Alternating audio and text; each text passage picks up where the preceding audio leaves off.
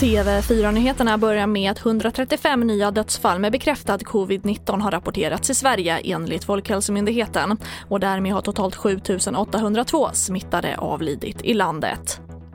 Och idag åtalas den 19-åriga kvinna som var förare i den bilen som voltade in i ett skogsparti i Sörfors i maj i år då fyra 16-åriga pojkar dog.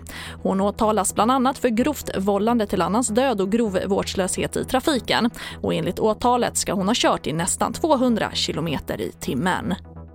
Och statsepidemiolog Anders Tegnell avfärdar Coronakommissionens hårda kritik mot Sveriges pandemihantering av äldre.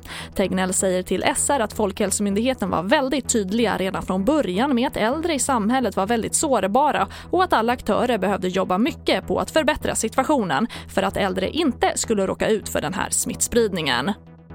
Och vi avslutar med att Världshälsoorganisationen WHO uppmanar alla i Europa att bära munskydd när de firar jul med sina familjer och släktingar, det rapporterar AFP.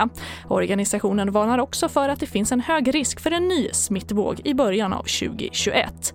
TV4-nyheterna, jag heter Charlotte Hemgren.